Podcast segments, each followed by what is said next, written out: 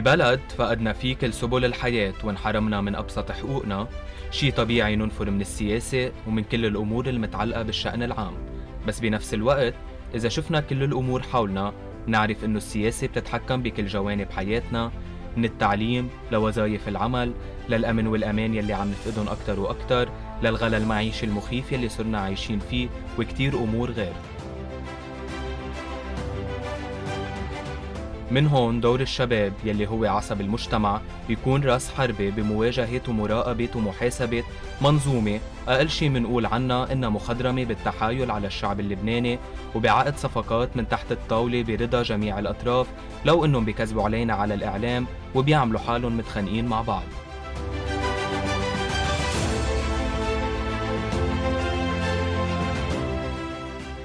برنامج بوليتيكو شباب. معي أنا فؤاد بوغادر. رح يكون عم بيرافقكم هيدي الفترة لنحكي عن مواضيع سياسية واجتماعية واقتصادية بتهمنا بأسلوب شبابي بعيد كل البعد عن تعقيد البرامج السياسية التقليدية.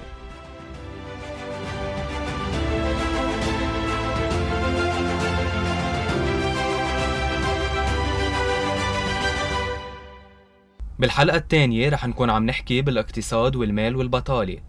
مين منا ما بيسمع كل ساعة عن سعر صرف الدولار ومين منا ما بيسمع عبارة الله يستر لوين رايحين وكتير أسئلة كمان أبرزها بتتعلق بمشكلة البطالة وانخفاض المعاشات يلي عم يجبر آلاف الشباب والصبايا يتركوا لبنان شهريا. على صعيد الحكومة بنسمع كل يوم عن صندوق النقد الدولي وعن تعثر تفاوضات وعن عودة التفاوضات وعن اجتماع بعثة الصندوق مع رئيس الحكومة والوزراء المعنيين بس بيبقى السؤال بيحرز كل هالتفاؤل بصندوق النقد يلي رح يقدم للبنان 3 مليار دولار بوقت صرفنا من سنتين لهلا أكثر من 22 مليار على الدعم وغيره من الاحتياطي الإلزامي.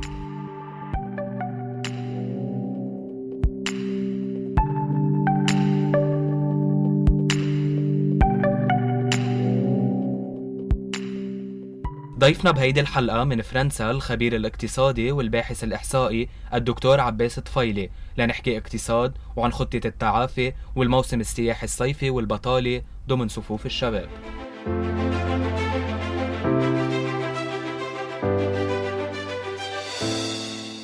رح نبلش بسؤال يمكن أكثر شيء بتسمعه بهيدي الفترة دكتور عباس. لوين رح يوصل الدولار بالفترة الجاية؟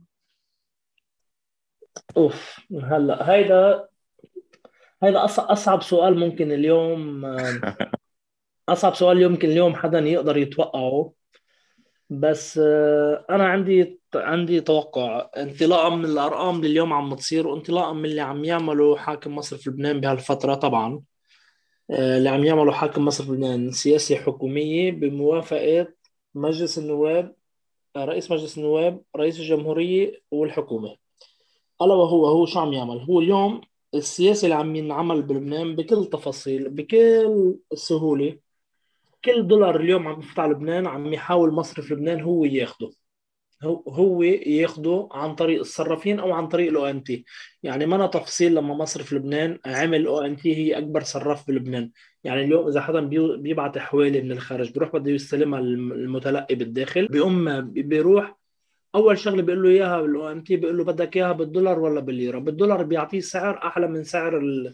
يعني تقريبا بحدود سعر السوق. وحاول يعمل حاكم مصرف لبنان شغلتين. أول شيء حاول يعمل صيرفة هي تكون السوق السوداء هاي نقطة. ونقطة ثانية عملت تعميم 161 هلأ نحن مساء باليوم.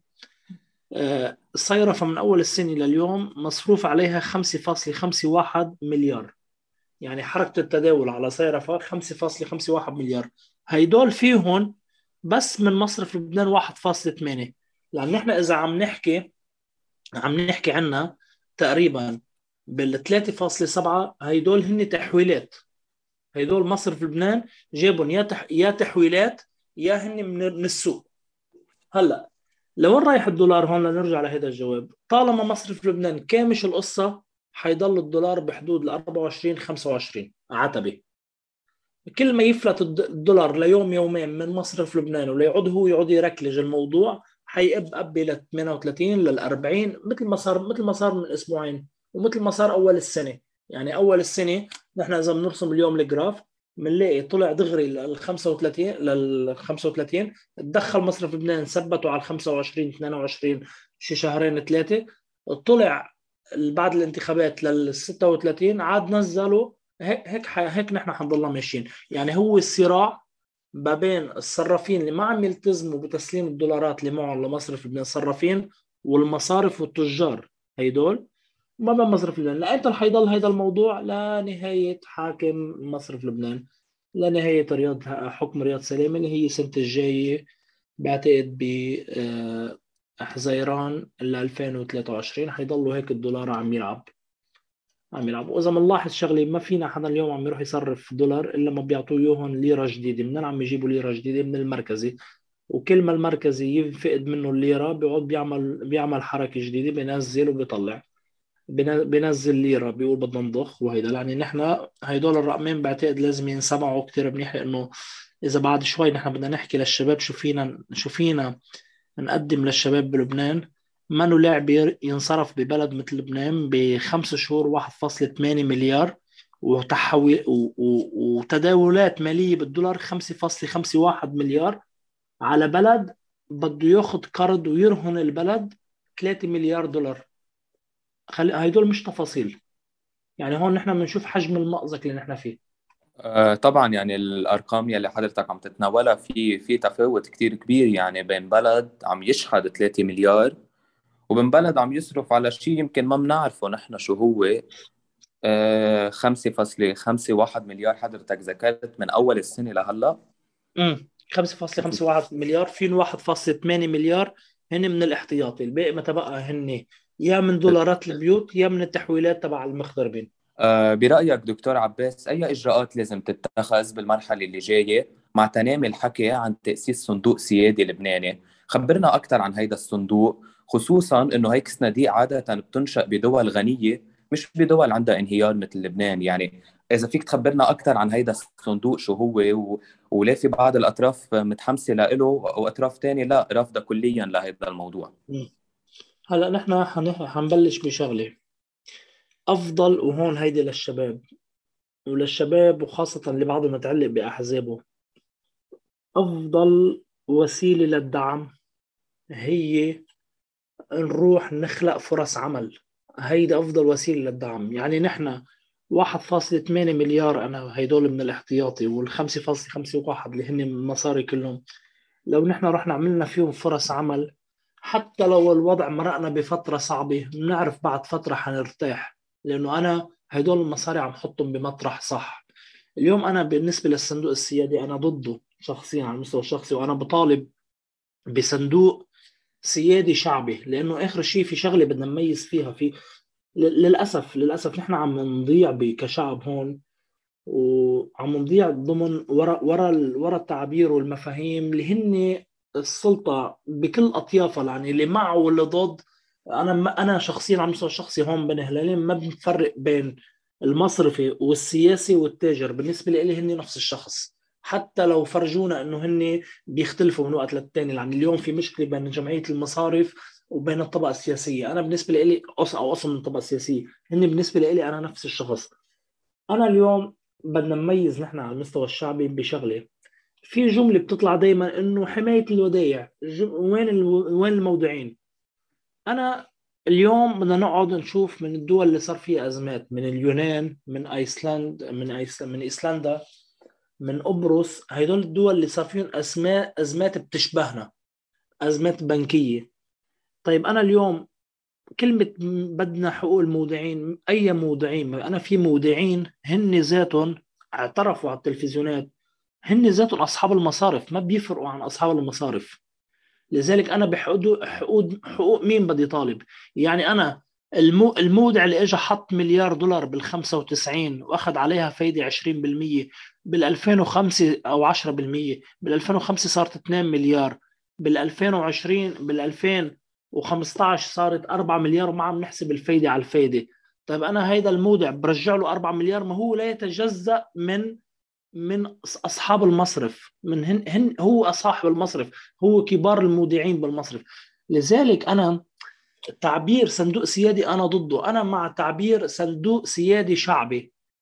هيدي شو يعني صندوق سيادي شعبي؟ يعني أنا اليوم آخر همي على المستوى الشخصي يكون عندي مرفق باسم الاسم الدولي أنا كمواطن لبناني يكون عندي مرفق للدولة. بس آخر شيء عم ينسرق من قرطه أربع خمس أشخاص. وهون بين هلالين انفجار المرفأ اللي صار.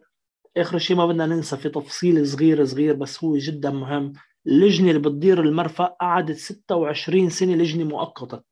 يعني حسن قرايتم اللي كان بدير المرفأ كان له من ال 93 معين كرئيس لجنة مؤقتة لإدارة المرفأ. تخيلوا يا شباب لبنان اللجنة المؤقتة قديش قعدت؟ قعدت 26 سنة هي لجنة مؤقتة. لذلك إذا رحنا نحن على صندوق سيادي لوين رايحين؟ لذلك أنا هون نرجع للتعبير للاساسي شو بقصد بصندوق سيادي شعبي؟ آخر همي إذا كان المرفأ هو لإلي بس عم ينسرق. والله يكون أنا المرفأ عم تديره شركة بس عم تعطي عائدات للدولة وبعد عشر سنين بتتركه. هون بدنا نميز بهذا الشيء. هلأ اللي مبين بالطرح اللي عم يطرحوه ما في شيء واضح. ما في شيء واضح. هل هي شركاتهم اللي حتيجي هل هي شركاتهم اللي حتيجي مثل ما كانوا بالتسعينات يخوفونا دائما بالخصخصة بس آخر الشيء يروحوا المؤسسات لما يخصخصوها تروح تفلس ويروحوا يحشوها موظفين. يعني هنعطي مثل كتير حلو. لجيل الشباب.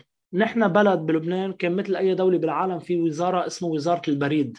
اليوم مثلا أنا محل ما أنا بفرنسا البريد هو عنصر فخر لكل مواطن. طيب نحن شو عملنا ب 20 سنة؟ البريد اللي هو ما بيخسر بأي بلد بالعالم. شو عملنا؟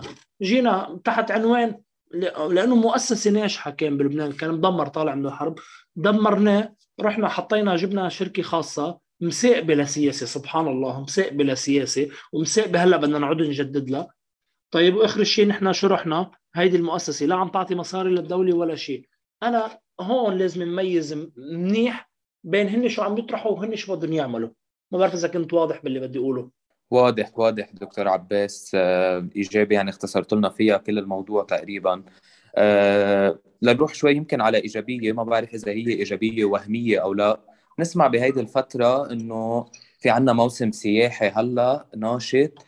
آه، الأرقام بتشير إنه في موسم سياحي واعد بلبنان. في أكثر من مليون آه، مغترب وسائح حيكونوا عم يجوا على لبنان. قد إيه ممكن نعول على هذا الموضوع؟ هل هو ممكن يشيل شيء من ضرب شيء أو إنه لا مجرد فترة لا رح تقدم ولا رح تأخر؟ هلا في هون نرجع للإحصاءات كمان. نحن قلنا من 2009 سواح اجانب بطل يجي لعنا على لبنان. خلينا نحكي الأمور مثل ما هي. صار أكثرية السواح اللي يجوا لعنا هي السياحة تحت عنوان السياحة الطبية اللي هن من العراق. إضافة إلى قسم كبير من السياح اللي كان يجي لعنا اللي بعضه عم يجي هو المواطنين اللبنانيين اللي بالخارج عم يرجعوا. هلأ اليوم متوهم وزير السياحة بالقرار اللي عمله. هو آخر شيء بدنا نرجع نشوف كل كل القرارات اللي بيعملوها هي بخدمة اصحاب هي بخدمة أصحابهم. بطريقة مباشرة أو غير مباشرة. نحن مزبوط حيجي مليون لبناني حيفوتوا مبلغ بالصيف بحدود 2 3 مليار. بس ما حدا يوهم اللبنانية إنه هيدول حيعملوا تغيير بالواقع العام بالبلد. يعني ما حدا حي... ما حدا يوهم الشعب اللبناني إنه أنا هو 2 3 مليار على بكرة في واحد ذكي بوزارة الاتصالات ما بعرف شو اسمه حيجي يقول تعالوا هون يا شباب أنا بدي أفتح hub نص بيروت بدي أعمل إنتاج رقمي وكل واحد عنده فكرة وحابب يشتغل حابب يشتغل startup تعوا على وسط بيروت. بدنا نعمل هيدا المبنى بس لشركات startup وببلاش الأجار. ما حدا ما حدا يوهم الشباب اللبناني بهيدا الشيء حيجوا هيدول 2 3 مليار اللي حينكبوا يا حيفوتوا يا بالشنط يا حيفوتوا بمصريات الناس اللي حيروحوا بالجيب عدد قليل من الناس آخر شيء حيروحوا يطلعهم بشهر تسعة وعشرة هو ذاته هيدا الشخص يعمل السياحة فيهم برا ويحطهم ببنوك برا. هيدا اللي حيصير. نحن بهمنا أنا كشخص بهمني يزدهر القطاع السياحي بلبنان ونعود نرجع مثل ما كنا قبل بالتسعينات وبأول الألفين. ولكن أنت اليوم لما رحنا على قرار غبي من وزير السياحة يسعر كل شيء بالدولار. الخليجي فكرك أنت شيل الأزمات وشيل كل شيء. إلا من 2009 ما عادش اجى الخليجي. أنا بعرف خليجيه كانوا يجوا على كان كنت مساكن بالكوت دازير كان يجي الخليجي على كان يقول لي أرخص من لبنان. طيب نحن لوين بعدك رايح اليوم عم تحط كل شيء بالدولار. السؤال اللي بيطرح نفسه يا وزير السياحة يا حبيب القلب هن المؤسسات السياحية حتدفع للعمال تبعها للشباب هن شباب بينطروا موسم السياح موسم الصيف ليشتغلوا. أنا كنت أشتغل لما كنت بلبنان بمطعم. حيدفعوا لهم بالدولار ولا بالليرة؟ هاي النقطة. طيب الرسوم والاشتراكات اللي حتعملها المؤسسات السياحية واجار الأملاك البحرية واجار الأملاك النهرية وكل هدول حيدفعوهم بالدولار ولا بالليرة؟ هون هون بتشوف حجم التخبط اللي نحن فيه حجم التخبط اللي نحن فيه. يعني في في في في سوء إدارة وهون هيدا العنوان العريض كمان بتوجه فيه للشباب اللبناني يمكن اللي أصغر مني بي يعني للجيل اللي أصغر مني إنه نحن خلينا نعرف شغلة بأسوأ انهيار بالتاريخ أسوأ انهيار بالتاريخ سوء إدارة الأزمة أسوأ من أسباب الأزمة. هيدي هيدي هيدي يعني نحن هيدا الانهيار اللي صار معنا صار بي صار بعدة دول ولكن دغري الدول قررت تنهض بالمقومات اللي عندها. نحن بعدنا اليوم ما عارفين نعمل شيء. يعني أنا اليوم نحن عم تقلي هون عليه بدي استفيد شوي بالسؤال من السياحة حأطلع على مطرح ثاني عم تقلي إنه نحن للشباب. طيب نحن اليوم بحكم لما كنت أنا بالتعليم بقطاع التعليم بالجامعة كان أكثر شيء لاقي يستهوي الطلاب الجديد والجدد والجيل هذا الجديد هو الإنتاج الرقمي هو البروجراماسيون هو كل شيء startup هلأ informatique و computer science وهالقصص طيب نحن بلبنان هيدا استثمار فينا نحن ننافس فيه اليوم بقصة الليرة اللي صارت عندنا والانهيار اللي صار عندنا هيدا نحن فينا ننافس فيه الهند. عندنا يعني نحن تخيل عندنا المقومات البشرية اللبناني وهون مش عم بالغ اللبناني ذكي مستوى التعليم تبعنا كان كتير منيح. طيب هون نحن فينا ننافس الهند يعني نحن فينا نروح ناخذ projets من جوجل بفوتوا لنا مصاري أو من جوجل أو من غير مطارح بفوتوا لنا مصاري كثير على البلد. نقطة ثانية كمان للشباب الإنتاج هو الأساس. طيب نحن عملنا الإنتاج الرقمي اللي هو بيجيب مصاري بمقومات كثير قليلة. بده بس المقومات البشري ولابتوب. ومثل ما قلت قبل شوية وزير الاتصالات عمال إنترنت مثل الخلق وتكون رخيصة لهيدي المؤسسات الناشئة. عندنا بنروح على الإنتاج الثاني اللي هو التدوير يعني نحن بلد لليوم. صدقا السنة الماضيه عم يخبرني مصنع مدير مصنع مبيد بلبنان. من أشهر النبيد اللي بلبنان بيقول لي أنا سعر النبيد اللي بقلب القنينه أرخص من سعر قنينه الإزاز اللي بقلب اللي, اللي حاطط فيها نبيد نحن هيدول الشغلات هن هيدول اللي بيخلوا البلد اليوم. ولذلك للأسف ما حدا عم يهتم فيهم ما حدا عم يهتم فيهم. السياحة على رأسي وعيني بس بدنا بدنا بدنا عائدات السياحة شو بدي أعمل فيها؟ مثل اليوم النفط مثل قبل شوي حكيت لي عن الصندوق السيادي عائداته أنا شو بدي أعمل فيهم؟ نحن اليوم المشكلة مش من وين بدي أجيب مصاري. في مصاري لما بلد بفوت عليه بأول خمس شهور عم نحكي ب 3.7 مليار و5.51 مليار مصروف. طيب ما نحن هيدا البلد فيه مصاري. السؤال هو شو بدي أعمل بالمصاري؟ هل بدي أروح أصرفها بالطريقة اللي كنت أصرفها فيها قبل ولا أروح أدورها بطريقة تشجع الشباب يبقى بالبلد؟ نحن اليوم في عنا كارثة رايحين عليها و... وإذا ضلت مكمله إضاعة الوقت بعدم إيجاد حل للأزمة حنوصل لها نحن اليوم إذا نطلع ومعليه عم طول بالسؤال بالجواب بس بدي لأنه لأنه الجواب الجواب بجرك لمحل ثاني نحن اليوم إذا نطلع قبل الأزمة شو كان عندنا؟ كان عندنا شغلتين بلبنان كثير ناجحين كنا فيهم نحن. كنا الصحة والتعليم. إذا نحن كملنا اليوم هيدول عم نقضي عليهم. بس تقضي عليهم ببطل عندك شيء بلبنان. خلص بيخلص لبنان. المصرف انقضى عليه لأنه هو قضى على نفسه. المرفأ تدمر وما في مبين قرار واضح بإعادة إعماره. الصحة والتعليم تدمروا وما عادش عندنا شيء بلبنان. مين بعد بيبقى بلبنان. مين بعد بيبقى بلبنان ما حدا.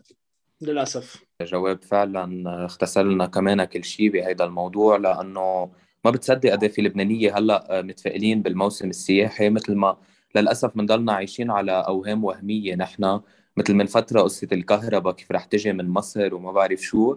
هلأ نحن كمان رجعنا لساعة كهرباء وكل الموضوع اعطيك مثل هلأ موضوع استئجار الطاقة من مصر. فللأسف هلأ اللبنانية بتنزل على الشارع بتحكي معهم بيقولوا لك بالصيفية ح... حينحل الوضع. ف فوضحت لنا الأمور يعني بشكل كثير رائع. آه، حأستفيد من جوابك واسأل سؤال عن موضوع البطالة لكل الشباب يلي عم يسمعونا. يمكن هيدا أكثر موضوع بهم الشباب. بتقرير صادر عن إدارة الإحصاء المركزي ومنظمة العمل الدولية معدل البطالة عن شباب لبنان ارتفع من 23.3% بين عامي 2018 و 2019 ل 47% ببداية 2022 دكتور لوين بعد ممكن يوصل هيدا الرقم؟ هل الهجرة هي الحل؟ وقد إيه ممكن إنشاء صندوق بطالة للعاطلين عن العمل يلي كل فترة بنسمع عنه بعد وإذا فيك توضح لنا أكثر عن هيدا الصندوق مثل ما وضحت لنا عن الصندوق السيادي هون في نقطة بنبلش فيها إشارة للإحصاء تبع دائرة الإحصاء المركزي الرقم مخيف بس الرقم أكبر من هيك لأنه فيني شغلة بدناش ننساها بين 2019 وال 2022 اللي هاجروا وما رجعوا هن بحدود ال 200000 يعني اللي هاجروا وما رجعوا. هي هيدي لازم يعني فيهم قسم كبير من الشباب يعني. أنا بعرف بمحيطي قديش في شباب سافرت وإجت على فرنسا مثلا عم بعطي مثل بآخر آه، سنة. هيدول ما موجودين بالأحصاء. اللي بدنا نقوله نحن هو هو مفتاح الحل بكل شيء. هو نحن هلأ السلطة تمتهن وهون السلطة بكل أحزابها يعني الحكومة ومجلس النواب والكل. يمتهنون إضاعة الوقت. ما في عم ياخذوا قرار مش حكيت قبل شوي على الكهرباء؟ الكهرباء نحن امبارح بالصدفة عم بحط الرقم. نحن مصروف على الكهرباء. هيدا رقم كمان للشباب. مصروف على الكهرباء سلف بس. 24 مليار غير الفايدة لإلهم من سنة ال 97 إحنا لما نقول عم نستهدف حدا. عم بحكي من ال 97 لسنة ال 2020 طيب إذا أنا بطلع قديش من زاد إنتاج طاقة من 98 لل 2020 هن 270 ميجا وات اللي هن مشي اللي هن مولد حي بيعطيك إياهم. نحن كان في خطة معتمدة ما نجيب الكهرباء يعني نحن من مصر هن ما بيناسبهم. قبل ما يروحوا يقولوا إنه أمريكا منعت وأمريكا منعت هن ما بيناسبهم ينجاب الكهرباء لأنه أنت في مافيا المازوت ما هن متدخلين كلهم ببعض. في مافيا المازوت اللي عم تربح 3 4 مليار دولار عم يستورد المازوت نحن بلد بلبنان كل سنة. طيب هدول فيهم أرباح بحدود المليار طيب ما هذا المليار هل هن عم ياخذوه لهم ال 11 شخص اللي بيستوردوا نفط ولا عم يقسموه مع شركائهم بالقوى السياسية؟ أكيد عم يقسموه. نجي للبطالة. نحن كل الأشياء بدها قرارات. الدعم هلأ اليوم إذا بنشوف إحنا من أول ب 30 تشرين الثاني هون بال 2019 طلع رياض سلامه وحتى اليوم أكدها البنك الدولي. معزل إذا رياض سلامه كذاب ولا لا بس طلع البنك الدولي حكيها اليوم طيب كان في باحتياطي مصرف لبنان 34 مليار دولار. نحن هدول 34 مليار دولار. نعم منهم اليوم بحدود ال 20 مليار دولار فيهم راحوا على زبائنية وشراء ولاءات وتمديد عمر الأزمة. يعني نحن مش من أول يوم صارت الأزمة رحنا قررنا تعالوا هون هيدي الأدوية الضرورية بندعمها هيدي الأدوية مش ضرورية ما بندعمها. ضلينا عم نماطل وندعم دواء وندعم كل الأدوية وندعم كريمات التجميل. هون عم بعطي مثال لحد ما وصلنا يومها ما عادش صار ندعم أدوية السرطان. فرط البلد. ضلينا عم ندعم قمح للجاتو ولكل شيء للكرواسون ولكل شيء. بحجه دعم قمح الخبز العربي وصلنا لمحل ما عادش معنا مصاري ندعم القمح. لذلك هون بتشوف الفشل وشراء الوقت. أفضل طريقة للدعم هي خلق فرص العمل. هي نخلق فرص عمل. يعني أنا اليوم بنشوف كل الدول كل الدول اليوم معتمدة على يعني الدول اللي مثل وضعنا. يعني إذا اليوم نحن بنشوف الهند بنشوف الهند مثلا دولة صار جدا متطورة بس عم نحكي كيف بلشت بهيدي. الإنتاج الرقمي فرصة فرصة عنا. فرصة. طيب أنا اليوم شو اللي بيمنع؟ مثلا سألتني عن البطالة. شو اللي بيمنع أنا اليوم؟ هيدول نعمل منصة بوزارة العمل وبعتقد بلش فيها الوزير وهيدي كنا عم نناشد فيها قبل. نعمل نحن منصة بيتسجل عليها كل الأشخاص العاطلين عن العمل أو اللي هن حملات وبنفرزهم حسب حاملي شهاده جمعيه كل واحد حسب اختصاصه. بنبلش بنروح بنشوف بنظبط لهم شغل حسب اختصاصهم. طيب بنعود نرجع نحن للإنتاج الرقمي والإنتاج الرقمي بدي اكرر عليه لأنه الإنتاج الرقمي اليوم بدولة مثلا مثل فرنسا في وظائف عم تقترحها فرنسا بال informatique ما أنا بحاجة لشهادة جامعية ما أنا بحاجة لشهادة من عم تروح تعمل دورة خمس شهور وست شهور وبتخرج بتشتغل مثلك مثل مهندس أو مثلك مثل حامل شهادة آه، شهادة خمس سنة جامعة. وبتشتغل بهذا الموضوع لأنه هيدا في نقص كثير واليوم عم عم يدخل بكل تفاصيل حياتنا. يعني نحن لما بنروح بندور على ticket الطياره على سبيل المثال وبنحجز عم ندور على ticket الطيارة في شخص ورا على الكمبيوتر بشركة مسائب بيعرفها للشركة اللي هيدا هو بيقعد بشغل ال algorithm ورا كل ما انت كل ما شخص يطلق بحث يطلق بحث عن ticket الطيارة. هذا الشيء نحن في مجال جدا وافي للاستثمار فيه واللبناني شاطر فيه. هون نحن صندوق البطالة اللي هو عم ندعيه هو منصة لتسجيل هدول الشباب. وبعدين هلا الدولة إذا بدنا إذا المقصود بصندوق البطالة نعمل صندوق نعطي معونات للناس الدولة اللبنانية مفلسة مش مفلسة. آه، ما حدا باله فينا نحن كشباب كأشخاص بالهم هن بمصالحهم. ما حيعطونا شيء مساعدات. لذلك المنصة منصة وخلق فرص عمل وفتح باب لاستثمارات حسب الطاقات الموجودة اليوم عندنا بلبنان. أه وعفوا دكتور سؤال أخير. أنا بعرف هيدا الصندوق هو عادة يمول من ضرائب بتنفرد على العمال الأجانب بالبلد. فقد إيه ممكن هيدا الشيء يكون منطقي إنه نحن نعمله بلبنان؟ يعني العامل السوري أو العامل الفلسطيني كيف ممكن نحن نجي نفرض عليه ضرائب؟ هيدا كمان بيكون له تأثيرات سلبية من نواحي ثانية و...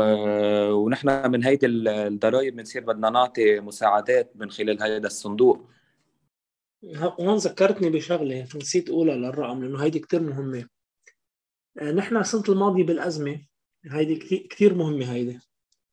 آه، تحويلات عمالة أجنبية من لبنان للخارج كانت 2.1 مليار دولار. هيدا الرقم كثير مهم. يعني نحن اللبنانية حولوا من الداخل من برا. كل اللبنانيه اللي من اللي بنقعد نفتخر فيهم لما نغني 6.6 6.685 مليار يعني 6.6 مليار أو 6.7 مليار بدنا نقول من كل العالم للبنان. ومن لبنان بالمقابل طلع 2.1 مليار.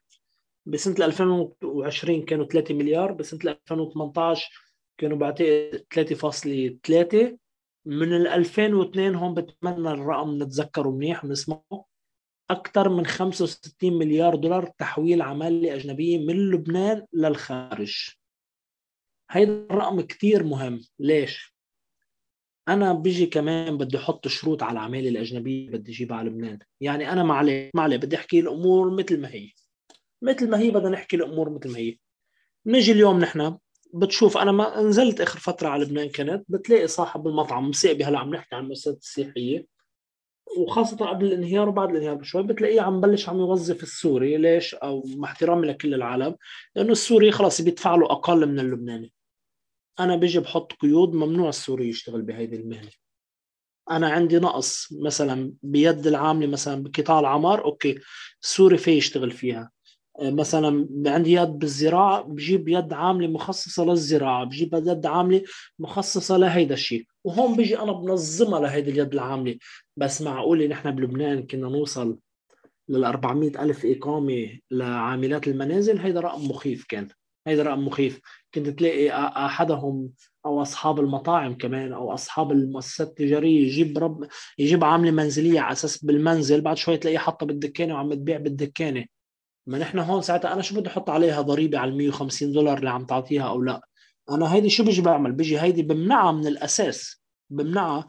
بطلب يد عاملة مثلا الفل... مثلا عندي يد عاملة الفلسطيني هلأ هون لازم يميز نقطة بين الفلسطيني والسوري. الفلسطيني ما عم يطلع مصرياته لبرا السوري عم يطلعهم لبرا.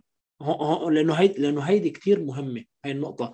يعني هيدي النقطة للشباب بيغفلوا عنا إنه نحن كل دولار هون بيجي حدا بس نقط بس نقترح شغلة وهون, وهون بعتذر بدي اطول شوي بالإجابة لأنه كثير مهمة هي النقطة. لما نحن مثلا وهيدي عم نصادفها قبرص لما صارت فيها الأزمة الأزمة الاقتصادية أزمة المصارفيه بتشبهنا لليوم بعد قبرص حاطة قيود على حركات الاستيراد. يعني ممنوع في أشياء بقبرص ممنوع نستوردها. في أشياء بمصر لما غلي الجنيه هذيك المرة من من ثلاث أسابيع مش من ثلاث أسابيع مش ثلاث أشهر حطوا قيود ممنوع استيراد سيارات جديدة. بيطلع حدا بيقول طيب ما أنا معي دولار أنا أنا مصرياتي هدول مم... طيب أنا بحق لي أجيب سيارة. لا الدول هون بتشتغل مصلحتها اللي هي شو هي أنا لمصلحة الدولة العليا. نحن بنجي اليوم بالأزمة اللي عندنا بحط مصلحة الدولة العليا أنا بدي يد عاملة بالزراعة بده يكون معاشها هالقديانه بيجي بشوف الفلسطيني اللي هو بالداخل اللي ما بيطلع المصاري لبرا. بيجي بعدين بشوف بدي استخدم عمالة وبحسن لهم وضعهم للعمالة. يعني أنا مثلا العمالة المنزلية اللي عم نجيبها على المنازل ما أنا بحاجة لها أنا بحاجة لعمالة أجنبية بس بقطاعات ثانية يعني مثلا إذا وهون عن جد عن جد عن جد لازم نحن نبكي على الوضع اللي كنا فيه قبل التسعين بعز الحرب. نحن بال 89 هيدا الرقم كمان كثير بحب أقوله دائما وبكرره. نحن بال 89 كان 80% من استهلاكنا بلبنان كان محلي. نحن كان عندنا فوق ال 1280 مصنع صباط بلبنان. كنا نصنع 10 مليون صباط بالسنة. هيدا الشيء رقم كثير مهم. هلأ بتقلي اللبناني تطور بحكم تطور الجامعات وتطور وضعنا الاجتماعي. ما عادش نقدر نشتغلها نحن هيدي الوظيفة. بيجي هون بقول لك أنا بروح بجيب عامل أجنبي يجي يشتغلها لهيدي الشغلة. طيب أنا زارا والهيدول ال fast fashion المصانع الثياب ما هدول فينا أنا إجي أقدر أفتح لهم مجال يجوا يشتغلوا بلبنان. أنا مساء بحكم شغلي وهيك طلعت مرة على تونس. طيب أحلى بناطيل جينز بالعالم بتجي الماركات العالمية بتصنع الجين تبعها بتونس وبتصدره على لبنان وعلى الخليج وعلى كل العالم.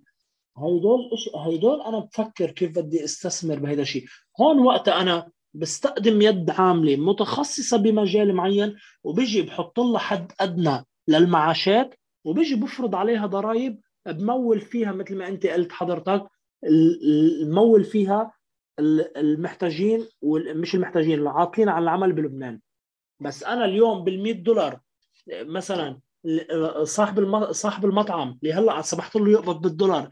نص الموظفين تبعه بكرة بيزيد لهم شيء بيعطون اسم بيعطون اسم صغير بالدولار. والاسم تبعه بيعطيهم بالليرة أو بيضحك عليهم مثلا بيجيب سوريين وبالسوري شو ما يكون الفرق حيكون لمصلحته لأنه لأنه بي لأنه بيطلع بيجيب شيء الاشياء بعد الحياة بسوريا شوي أرخص. بيجي آه بيستفيد صاحب العمل وأنا آخر شيء بدي أجي تكس على العامل اللي هو مثلا العامل الاس بي اليوم 150 دولار معاشها بدي أجي أحط عليها ضريبة 10% أو 20% اللي هن 10 دولار و20 دولار. لا غلط. أنا شو بيجي بعمل؟ بيجي بقول ممنوع مثلا في مجال في ع... في عاملات أجنبية ممنوع نجيبها على في مجالات ممنوع ينجاب عليها عاملة أجنبية أو عام أو عمال أجانب. بيجي أنا مثلا مثلا okay قطاع النظافه مثلا okay بالمطارات وبهيدا بجيب عماله أجنبية بس أنا مش بروح بدفع له 100 دولار و150 دولار بيجي بفرض على صاحب العمل هيدا لازم يبلش من 600 دولار. بيجي أنا على 600 دولار بحط عليه ضريبة 20% ومن كل قلب قوي و30% كمان بحط عليه ضريبة على التحويل. نحن هينا بهيدا البلد هون عايشين أنا مثلا لي 12 سنة بشتغل بهيدا البلد أنا بدفع ضريبة 14% بالشهر مش لأني أجنبي لأني مثلي مثل أي مواطن بالبلد. حتى لو ما معك جنسية مثلك مثل اي مواطن بتدفع ضريبة 14% لذلك الضرائب هي شيء عادي هلأ بيجي بلبنان لأنه إحنا وضعنا شوي آه، آه، خاص أوكي ما في ما في مشكلة نزيد الضريبة شوي على العامل الأجنبي. حتى لو كان هي ذات الشغلة اللبناني هي ذات اللبناني بيشتغلها. هي هيدي هي بس. بدنا نحدد قطاعات محدده يجيب عليها. أنا اليوم بالزراعة بحاجة لعمالة أجنبية بالصناعة بحاجة لعمالة أجنبية. بالخدمات لا مش بحاجة لعماله أجنبية لأنه بالخدمات اللي عندنا اللبناني بكفي وبيوفي بهيدا الشيء. بيجي بتكسهم بالزراعة بتكسهم بالصناعة ضرائب وبمول اللبناني مول بعمل صندوق بطالة مثل ما حضرتك قلت بمول فيه بمول فيه هذا الصندوق. شكرا كثير لك دكتور عباس يعني كثير سعيدين بوجودك معنا.